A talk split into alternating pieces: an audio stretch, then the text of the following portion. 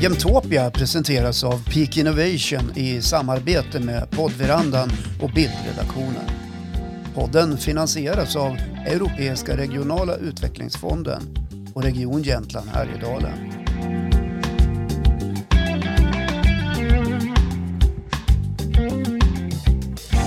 Mm. Ja, det är spännande tider och bland många erfarenheter som pandemin har gett oss så är en att det verkligen går att arbeta på många platser i vårt land. Och det här visar sig inte minst genom stor inflyttning till exempelvis Jämtland. Under 2020 flyttade drygt 1000 personer till Åre och det är mycket för en kommun som har 12 000 invånare. Och ett eh, bolag som bidrar till den här utvecklingen är fastighetsbolaget Diös som förutom att ha huvudkontoret i Östersund även har satsat på stadsutveckling i flera andra norrländska städer. Det här och mycket mer ska vi tala om nu med Diös VD Knut Rost. Välkommen! Och välkommen också du Håkan Lundqvist, radioprofil och producent här på Jämtopia. Hur mår ni idag? Vi börjar med dig Knut. Jag mår eh, ganska bra får jag säga. Eh, det blir ju mörkare tider och jag är en ljus människa så jag vill gärna ha ljus. Men eh, det är mycket att göra och roliga affärer på gång så jag mår bra. Hur gör du för att få ljuset då nu när vi går till eh, mörkare årstid? Jag försöker nog vara ute så mycket som möjligt. Nu sitter vi i Stockholm just nu och här är jag ibland också. Och då cyklar jag mycket. Jag, jag, gillar att cykla, jag gillar att gå. Jag gillar att åka bil också, men inte i Stockholm. Där vill jag cykla och gå. Men annars bor du i Östersund? Jag bor i Östersund, eh, bor också i Stockholm och så har vi vår centralort i familjen i Dalarna faktiskt, i Söderberke. Håkan, hur har du det en sån här dag? Eh, jag klev upp när det var mörkt. Klockan var väl kvart över fem tror jag, här tidigt på morgonen. Eh, jag har rätt mycket att jobba med idag så att jag har varit ute i, i, god tid tycker jag. Nej, men jag håller väl med om ljuset, man får ta tillvara på det. Så att, uh, jag hänger på Knut där och försöka njuta så mycket det går av ljuset medan det finns kvar. Sen vet vi att en mörk årstid, eh, då är det ju också ändå tillfälle för lite mys i soffan och en tänd brasa och njuta lite grann av det också. Eh, när, eh, jag förpratar ju våra gäster här förstås och när vi började prata inför den här inspelningen så lyckades jag provocera Knut lite genom att säga att olika aktörer som kommun och andra då inom näringslivet har samverkat för att få investeringar i Jämtland. Och samverka, det var inte ett ord som du liksom såg så där ljust på, Knut. Hur tänkte du? Ja, jag har tänkt så i många år. Eh, samverka är väl ett ord som man ofta använder från, från myndighetshåll, tror jag. Eh, jag använder ordet samarbeta och det är jag väldigt mycket för och det tror jag är den enda lösningen i framtiden när vi går in mot en mer digital värld och när mycket förändras och det går ganska fort, då är det samarbete som gäller mellan myndigheter, privata näringslivet och många fler. Och samarbete betyder att man tar ansvar och gör saker. Till skillnad från samverka som faller lite mellan stolarna eller? Ja, men lyssna på ordet verka. Samverka, stavas det med ä eller e? Nej, samarbete. samarbete, men eh, och du, och du är mycket för samarbete. Jag förstår att det var ett fint samarbete som också fick er och dig att eh, vilja satsa på eh, Östersund och eh, städer i Norrland. Berätta hur ni tänkte där. Ja, nu har inte jag varit med från början. Det här bolaget bildades ju 2005 av Erik Paulsson och ett antal investorer. De satt faktiskt i Åre och ville ha ett Norrlandsbolag. Så det första Erik Paulsson gjorde, som var en väldigt kreativ affärsman, han, eh, han började med att köpa fastigheter i Dalarna som inte är Norrland. Så geografi, geografi kanske inte var hans starkaste sida, men det blir ju väldigt bra. Eh, det här drev man bolaget med, det var ett ganska spretigt bolag när jag kom 2000, ja, i slutet på 2013, jag började 2014. Och det första jag gjorde var att försöka få ihop bolaget till en enhet. Och då valde jag fem kriterier. Det skulle finnas universitet eller högskola. Eh, det skulle finnas en befolkningsökning i, i orten eller i staden. Det skulle finnas en aktiv kommunledning. Det skulle finnas ett entreprenöriellt eh, affärsmannaskap i staden. Och det skulle finnas något form av re resecentrum som egentligen blev flygplats. Eh, och eh, alla de tio städer vi finns i nu, alltså Borlänge, Gävle, Söder upp, upp till Luleå, eh, uppfyller de här kriterierna. Eh, och, och, Östersund då, vad tippade över för just Östersund som eh, plats för huvudkontor? Uh, igen då, det var ju redan bestämt innan jag kom. Det som hade hänt precis innan jag kom och, och om jag nu skulle säga att jag är duktig på något så är det ju att bygga organisation. Och eh, då hade ju Diös just köpt Norrvidden. Som eh, var ett större bett faktiskt än, än, eh, än, än de själva. Diös hade väl ett värde på 4,5 miljarder ungefär och, eh, och Norrvidden hade 5,5 miljard. Men det var ju faktiskt Diös som köpte Norrvidden och därmed så hamnade huvudkontoret i Östersund därför där satt liksom Diös ledning. Norrvidden var ju annars förknippat med Sundsvall. Och där, eh, så liten jag är, så satte jag nog ner foten ordentligt och sa att det var Diös som köpte Norrvidden och då är det Östersund som är huvudstad. Ja, man kan ju inte vara i Sundsvall. Det, det går ju liksom inte. ja, eh, vad, vad, är fördelarna då skulle du säga med Östersund som stad? Om vi ska återvända till det här med att sam samarbeta och få ihop kommun och, och eh, ja, näringsliv. Ja, fördel kontra Stockholm till exempel, som jag ofta blir jämförd med, därför att vi är ju lite speciella tillsammans med något annat bolag och hålla till i norra Sverige. Allting är mycket enklare. Um, det blir närmare, det blir mer personligt. Jag förknippas ju väldigt mycket med Diös. Uh, och, men jag har inget emot det. Jag tycker det är... Jag vill inte vara anonym. Jag, jag tycker det är kul att vara personlig. Jag tycker det är spännande. Det är intressant. Visst kan det bli lite mycket jobb ibland. Man kommer liksom inte ifrån det när jag går ut på stan så måste jag alltid stanna och prata om någon hyresfråga. Men jag gör det gärna istället för att exempelvis vara en i mängden i Stockholm. Jag trivs väldigt bra i Östersund. Eh, just nu så är ju då busstorget en, en sån fråga som folk vill prata om. Vad tycker folk där som kommer fram till dig i Östersund? Ja, de flesta som pratar med mig är ju faktiskt positiva. Eh, men det som syns i media är ju ganska negativt, det vill säga att man, man vill egentligen inte ha någon ändring alls. Eh, och jag säger väl egentligen att vi måste omfamna det vi kallar utveckling. Eh, och min idé med det här är att vi utvecklar staden. Annars så händer någonting annat och det är faktiskt åt andra hållet, det är avveckling. Och det är inte speciellt bra. Och det finns heller inte speciellt mycket på busstorget att spara på. Alltså, det är ju en buss-p-plats eh, egentligen. Och det kan vi ha någon annanstans. Det kan ligga utanför stan. Tänk att få bygga en, en magnet till Östersund där man vill till det gamla busstorget. Hur blev det nu då? Och det ska ju bli ett, eh, eh, Eh, ett, en plats dit folk vill. Men vi säger att det blir en magnet till Östersund som, som kan bestå av hotell, bostäder, kontor. Dit vill man gå därför där händer saker. Får jag ställa en fråga Knut? Eh, eh, vad, vad, tror du utifrån din erfarenhet att det är som gör att eh, samhällsbyggnadsfrågor eller utveckling, just när det handlar om byggande och sådana saker, väcker så starka känslor hos en del människor? Mm. Eh, varför, varför samhällsbyggnadsfrågor väcker så mycket känslor är jag ganska övertygad om att eh, det är bra för det första att det väcker känslor. För husen ska ju stå i flera hundra år. Och, och vi som jobbar eh, i branschen är ju kanske med i en karriär i 20-30 år. De här ska stå i flera hundra år. Man kan ju titta på alla gamla fina hus i Östersund, inte minst Rådhuset. Um, jag tror att det väcker så mycket känslor därför att uh,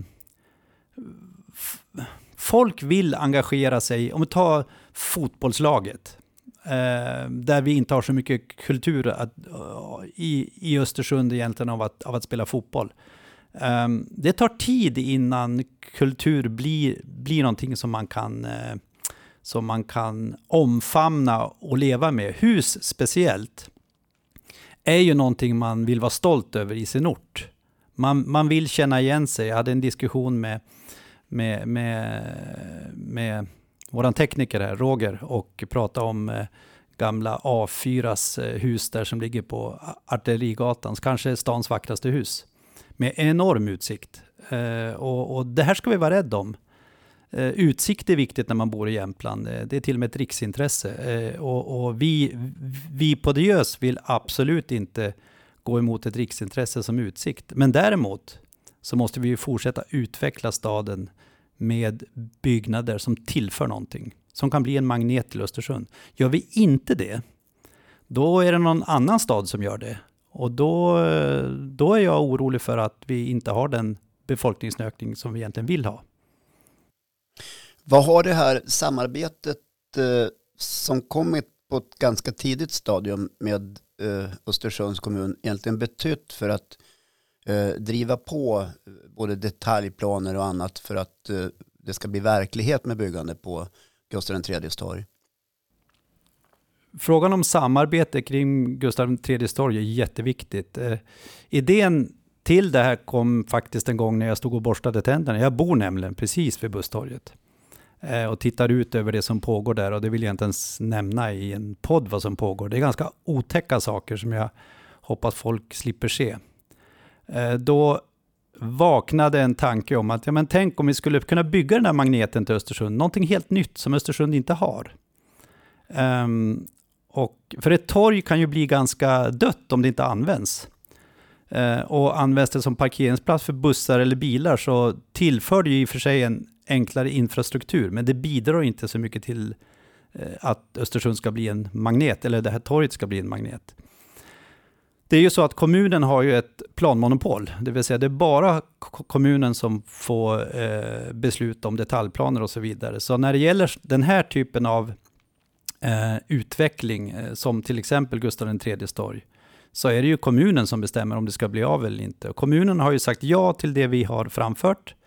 Men sen får man komma ihåg, och det här är nog första gången jag säger det offentligt, en detaljplan säger ju egentligen vad man får göra. Men det är ju vårt bygglov sen som säger vad vi vill göra. Eh, så det är ju in, inte säkert att det blir de ska säga, volymstudier som har visats i media som det sen kommer att bli bygge av. Det vet vi inte riktigt än, utan vi måste ju titta på marknaden och igen säga för alla som vill lyssna, vi ska bygga en magnet som gör att Östersund blir en ännu attraktivare stad för de som bor där, för de som vill bo där och de som vill besöka oss och de som jobbar där. För alla. Eh, du brinner ju uppenbarligen för Östersund och även för Jämtland då som tillväxtort. Om du får ge en vision för, för hur Östersund ska se ut i framtiden, inom en nära framtid. Hur ser den visionen ut? Ja, och nära framtid, jag har faktiskt börjat titta på 3 till 5 år, för det är ungefär det man kan uppfatta. Förut så pratade vi om 10 till 20 år. Jag, jag vet inte vad som händer om 10 till 20 år. Men däremot så tänker jag mig så här, Östersund bör bli en stad som kan innehålla 100 000 invånare. Eh, idag är vi 64-65 Eh, och eh, vi har ju omfamnat den här visionen allihopa egentligen, både regionen, kommunen och vi som kommer från privata näringslivet. Och varför har vi gjort det? Jo, din fråga är väldigt klok, därför att om man har en vision att gå mot, alltså en drömbild, det är inte säkert att det blir så, men, men bara, bara tanken på att vi kan bli 100 000 invånare gör att kommunen blir mer eh, på i frågan om att ta fram nya detaljplaner. Eh, mina aktieägare, ungefär 20 000 stycken. Eh, vi har ju vuxit rejält de sista åren. När jag kom så hade vi 2 000, nu är vi 20 000 aktieägare, vilket är jättekul. Det är ju ett förtroende jag måste förvalta. Eh, de, de är helt övertygade om att de ty tycker att det är bra att man har en, en, en vision som är lite spänstig. Man kan liksom inte ha en vision som säger att vi ska växa. Det är ungefär som att säga att eh, ja, jag har som mål att bli lycklig. Ja, hur ska du mäta det? En vision är en drömbild och 100 000 invånare i Östersund och kanske 200 000 i eh, Jämtland. Eh, vi finns ju i Åre också, men eh, tro mig, jag är jämte så jag kan slåss för hela Jämtland. Men får vi en stark nod i Östersund med arbete, fritid, eh, vi bygger en 15 minuters stad som man faktiskt vill bo i. Vad innebär det begreppet 15 minuters stad? Ja, 15 minuters stad kommer egentligen från en helt annan undersökning som, som, eh, som togs fram på Sorbonne-universitetet. Eh, vi har gjort om 15 minuters staden till eh, en stad där, där man får ihop sitt livspussel. Man kan bo i staden, man kan jobba i staden, man kan transportera sig i staden, man kan eh, gymma i staden, man kan göra allt inom 15 minuter. Och det kräver tillgänglighet, infrastruktur och det kräver en, faktiskt en eh, en vision och en tanke om att vi blir flera. Och vilka är det som ska komma till Östersund? Då? Alla, höll jag på att säga. Hit, hittills i mångt och mycket har vi skjutit in oss på att vi ska ha besök av norrmän. Jag tycker kanske Östersund och vi alla som jobbar med har varit lite blyga. Vi har, vi, har, vi har skjutit in oss på besöksnäringen som också är jätteviktig. Men där har vi duktiga folk som jobbar det med, med destinationsbolag och så vidare. Men jag, jag är helt övertygad om att kan vi vara spänstiga och modiga och säga att hit är alla välkomna, eh, då är det flera som överväger, när man gör ett livsstilsval, att kanske flytta från den där stora staden till Östersund, för där är allting nära. Helt plötsligt får man ihop livspusslet. Man kan få ett jobb som, som man kan utvecklas i. Och tar vi eh, posteffekter efter pandemin här, det vill säga att man eh, på något sätt söker sig bort från pendlingen, som, som sker mest i storstäder, så, så är det ju knappast hållbart att sitta i bilköer en timme in till stan och en timme ut. När man istället kan bo och så kanske allt inom, inom en kvart. Jag är helt övertygad om att den staden eh, skapar lyckligare människor. Kommer Östersund klara en sån tillväxt då? Jag tänker det behövs förskolor, det behövs eh, bostäder och så vidare för den typen av tillväxt. Hur tänker du där? Ja, om alla omfamnar visionen, vilket jag eh, ser att vi gör mer och mer. Det finns ett, ett väldigt starkt näringsliv som har enats. Vi har en bra ledning i Östersunds kommun som, som vill en massa saker. Eh, vi har en region som jobbar med näringslivsutveckling på ett väldigt bra sätt. Så att, eh, att omfamna den här visionen om 100 000 invånare, den, den är viktig därför att vi måste skapa detaljplaner som gör att vi kan bygga villor. Vi måste tillåta detaljplaner som eh, bygger högre hus och det kan vi göra utan att förstöra utsikten. Eh, vi kan göra det på ett eh, väldigt smidigt och bra sätt idag, i trä dessutom. Så att jag ser Östersund som den hållbara staden som man väljer när man gör ett aktivt livsstilsval. Mm. Märker du när ni rekryterar till Diös att, eh, att Östersund är attraktivt eller eh, går det, går det trögt med rekrytering? Nej, det har gått jättebra. Vi, eh, nu har jag en väldigt bra HR-avdelning som jobbar mycket med varför man ska jobba på Diös. Så att eh, än så länge har det gått väldigt bra. Vi har ganska många som flyttar in eh, till Östersund. Nu senast så anställde vi en kommunikatör eh, från, från en storstad i Sverige som vi sitter nära i nu. Eh, och eh, hon flyttar upp med sin familj och bosätter sig på Frösen. Sånt tycker jag är jättekul. Det låter som att du är väldigt nöjd med samarbetet då med region och kommun eh, hittills. Eh, finns det något som skulle kunna förbättras? Ja, när du säger att jag är väldigt nöjd så går ju, jag är tvungen att skratta, för alla som känner mig vet att allting går för sakta. Nej, det tar för lång tid. Allt tar för lång tid. Jag, jag kan... Ja, men en detaljplan till exempel. Vi behöver inte ta Busstorget nu, för den är ju speciell därför att den är så, den är så spetsig liksom i staden. Men, men eh, kommunen skulle kunna vara mycket snabbare med att ta fram detaljplaner att ha en beredskap för det som kommer. Om vi då bestämmer oss för att vi vill bli 100 000 invånare, ja men se till att ta fram detaljplaner som, som, som, som medger villabygge med, med sjöutsikt, som medger eh, hyreslägenheter med fjällutsikt. Alltså det är ju det vi ska ta tillvara, det är ju det som är våran USP på något vis. Det finns inte en risk då att liksom skärmen med Östersund och, och, regionen försvinner om det växer för snabbt och utvecklingen går för snabbt? Hur tänker du där? Ja, jag har aldrig varit med om en stad som växer för snabbt.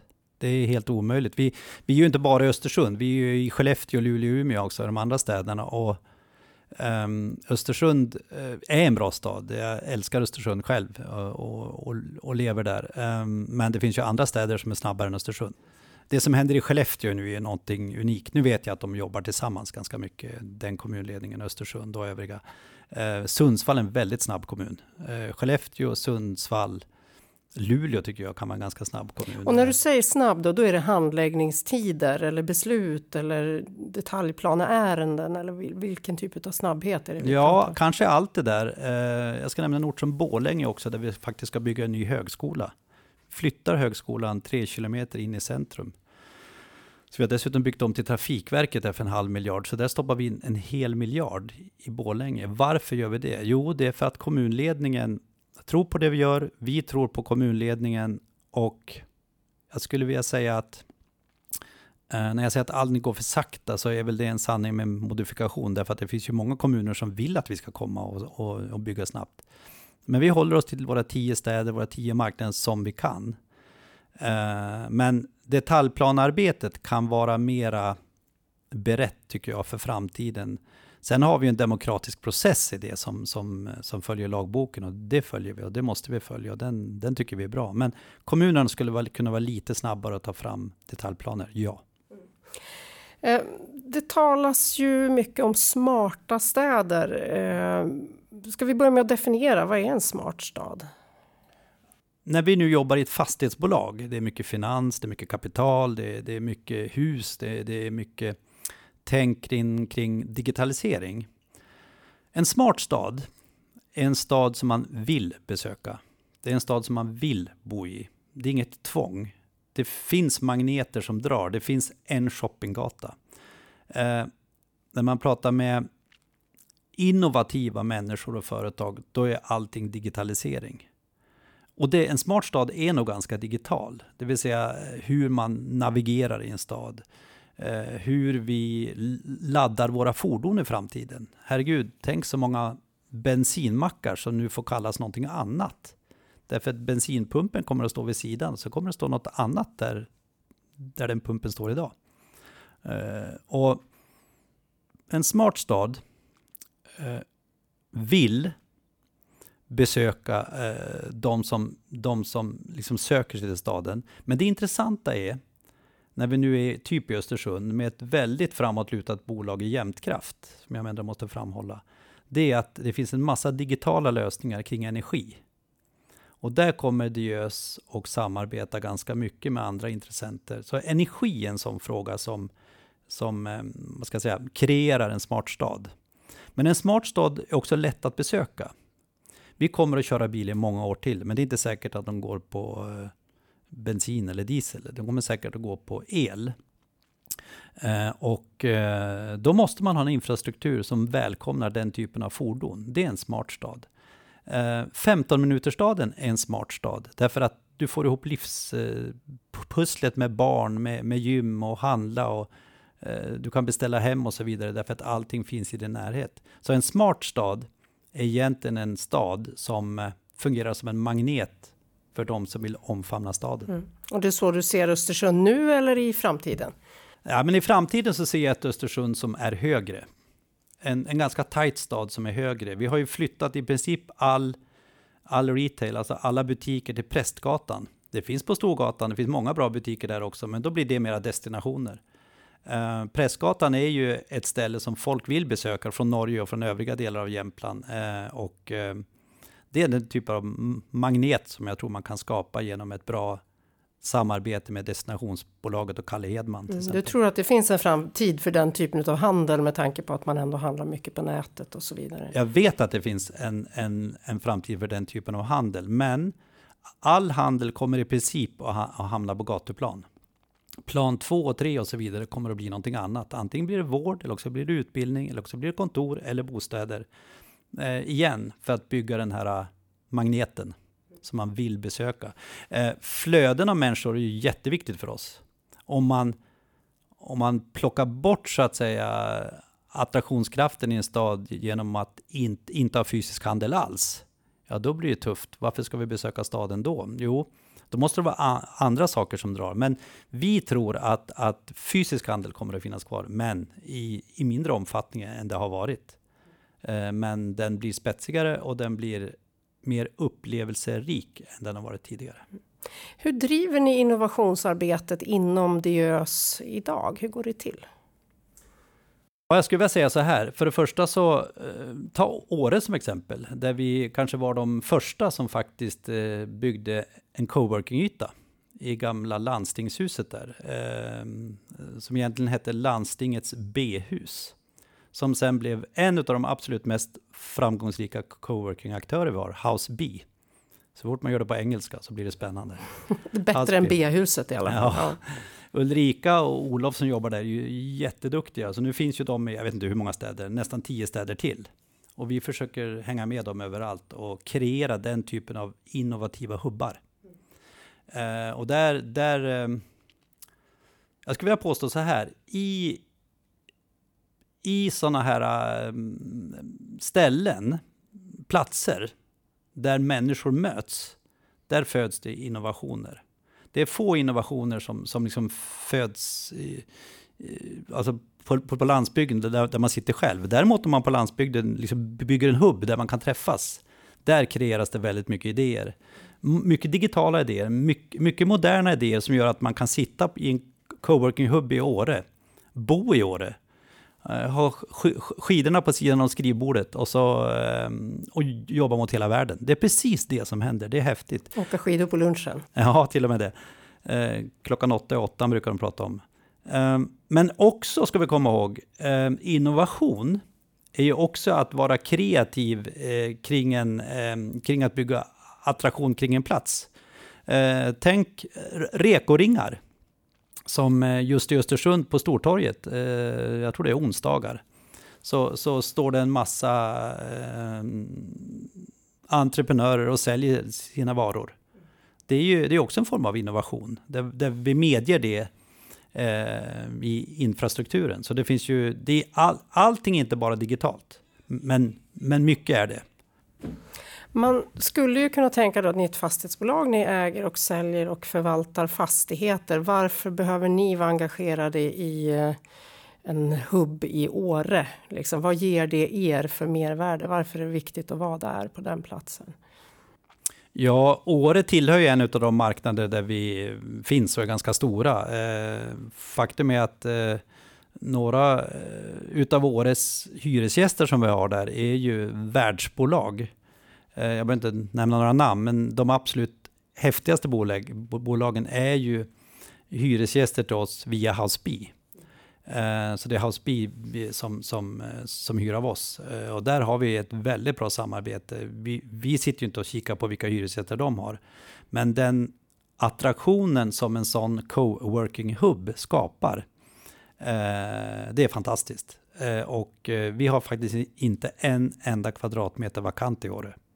Så håll i er, vi kanske, vi kanske bygger något snart. Ja, även i Åre. Eh, om, om man tittar på regionen då, hela regionen i eh, Jämtland. Ehm, hur tycker du att storbolagen liksom ska driva och utveckla sitt innovationsarbete framöver? Vi har ju, ja, för det första så tycker jag att vi ska samarbeta mera. Alltså, jag tror ganska hårt på att om vi har en stark nod i Östersund. Där man, eh, det kanske inte måste vara just Östersund, men det kanske, innovationskraften kanske ska komma därifrån. Skulle vi kunna bjuda in storbolagen i Strömsund och Krokom och Sveg och så vidare till, till helt andra kreativa möten än vi har haft hittills. Eh, nu har ju Jämtland tappat ganska många människor de sista 40 åren. Sånt gillar inte jag. Då, då vill jag liksom agera. Nej, det är inte rätt. Därför att eh, Jämtland som län, Jämtland Härjedalen, är ju, är ju så attraktivt för mig så jag kan inte förstå liksom hur andra inte kan se det. Men jag är helt övertygad om att Östersund måste bli en starkare nod så att de andra ort, orterna kan, kan se att det går och man, man får lite dragkraft. Knut, du, du återkommer till det här begreppet samarbete hela tiden och vi pratar ju om innovation och startups i, i den här podden rätt mycket. Hur jobbar ni eh, från Diös sida för att fånga upp eh, eh, nya idéer som kan rymmas inom er eh, verksamhet eller där ni ser här kan det bli en affärsrelation på sikt eh, och så vidare. Mm. Just, just innovationer och startups, ehm, det är ju man skulle kunna säga så här, startups som startar med en, två delägare, det är ju vi sällan aktiva i. Men däremot så kan ju vi bygga innovationstestbäddar ehm, åt, åt den här typen av bolag och då ger ofta sådana här coworking-ytor väldigt bra. Vi har ju till och med en anställd digitaliseringschef i Jonas, vilket eh, Jonas Silver Wikstrand heter han. Och bara det att man har en digitaliseringschef betyder ju att man vill vara en del av de innovationer som kommer där. Eh, fastighetsbranschen är ju ganska konservativ skulle man kunna säga när man tittar på hur vi bygger hus. Eh, jag tror till exempel att vi eh, kommer bygga mycket mer hus i trä i framtiden. Men det har vi ju gjort i liksom flera tusen år egentligen, så det är ju inget nytt. Men däremot så kanske vi bygger lite högre i trä. Ehm, så innovationer tror jag spelar en väldigt stor roll i vår byggprocess. Innovationer kommer också att spela en stor roll i våra hållbarhetsfrågor. Och hållbarhet har ju så att säga på alla bolags agendor åkt väldigt högt. Och där är jag övertygad om att eh, startupbolag som kan lösa en, en bättre en energiresa från det att vi slår ner första pålen i ett hus tills, ehm, tills vi har en hyresgäst och vi ska, vi ska äga och sköta om huset och hyresgästen. Det kommer komma väldigt mycket innovationer som gör att vi in, inte tappar kunden, men vi får mer tid att jobba med hy, hyresgästen och kunden och mindre, och mindre för att jobba med, med tekniska lösningar. Det kommer bli mycket mer digitalt. Mm. Uh, apropå det här med samarbete, då, kan man få med sig, skulle ni kunna eller kan ni få med er annan industri i ert liksom, innovationsarbete? Är det, är det ens intressant att få, få liksom, otippade samarbeten? Eh, oj, oj, oj, tänkte jag säga. Det där är ju en jättespännande fråga som vi redan gör. Som, som vi redan har och gör och får. Ju större vi blir, ju mer effektiva vi vill driva vårt bolag, desto mer samarbetar vi med andra bolag som är bra på det de gör. Det kan vara allt ifrån eh, en, energilösningar eh, till, till, eh, till egentligen hur vi bygger hus. Vi bygger för nästan 2 miljarder per år, så att det, det är ganska mycket, mycket vi bygger just nu. Eh, och där är ju innovativa lösningar jätte, jätteviktiga för oss. Alltså, tänk er framtiden där man går in i ett rum, där rummet är egentligen helt mörkt och nersläckt när det inte används. Ventilationen går, den går inte heller. Men när du kommer in i rummet så läser den av hur mycket folk som är i rummet och kan direkt skicka på oss precis så mycket luft och värme som behövs. Så det finns så mycket kvar att göra och, och de här lösningarna finns ju. Det är ju bara frågan om man är så att säga stor nog och man har testat det nog mycket för att det ska fungera.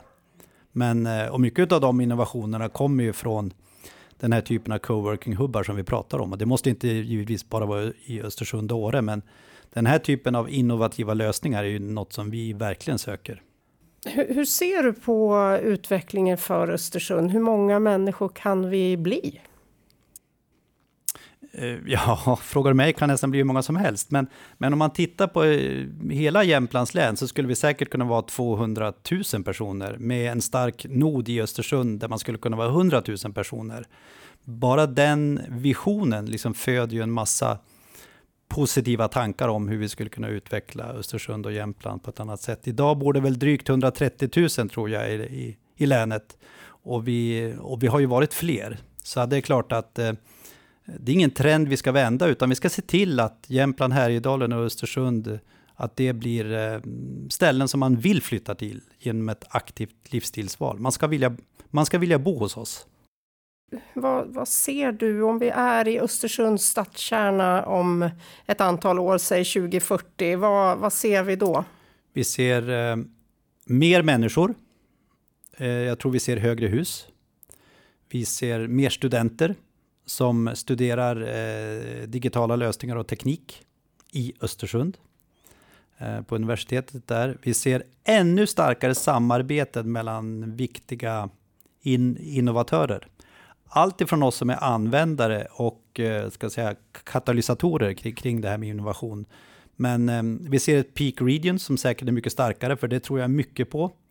Eh, därför att det finns så mycket att göra där. Eh, jag menar, Jämtland är ju inte känt för innovationer egentligen, men skulle kunna bli det på ett helt annat sätt nu när vi har en massa digitala lösningar för, för kommunikation och så vidare. Eh, jag ser Östersund som en magnet eh, för egentligen hela Jämtland Härjedalen.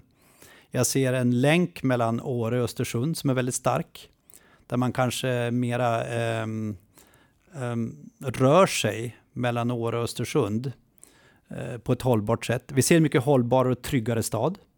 Östersund är inte mer trygg än andra städer idag. Och det är något vi kommer att satsa mycket på i samarbete med andra och det har mycket med innovation att göra. Eh, belysning och så vidare. Man ska kunna gå hem klockan 11 på kvällen längs Prästgatan utan att vara orolig. Eh, så att en mer spännande stad som är ännu mera magnet för människor som vill, vill besöka Östersund och bo i Östersund och jobba i Östersund. Så att jag är helt övertygad om att vi måste leva mer hållbart. Och det ska vi göra genom samarbete. Vi måste våga förflytta oss framåt i tiden Och det är ju bättre att titta framåt än, än liksom bara bakåt därför att det är ju liksom framåt vi ska tillbringa mer tid i. Eh, vi måste välkomna in innovationer som, som för oss framåt till ett håll på bara liv. Eh, och därför så jag tänker bara positivt om Östersund och Jämtland. Jag är övertygad om att framtiden är vår. Tack så mycket Knut Rost, VD på Diös för de slutorden och eh, visionen då för Östersund 2040 och egentligen för hela regionen. Tack också Håkan Lundqvist.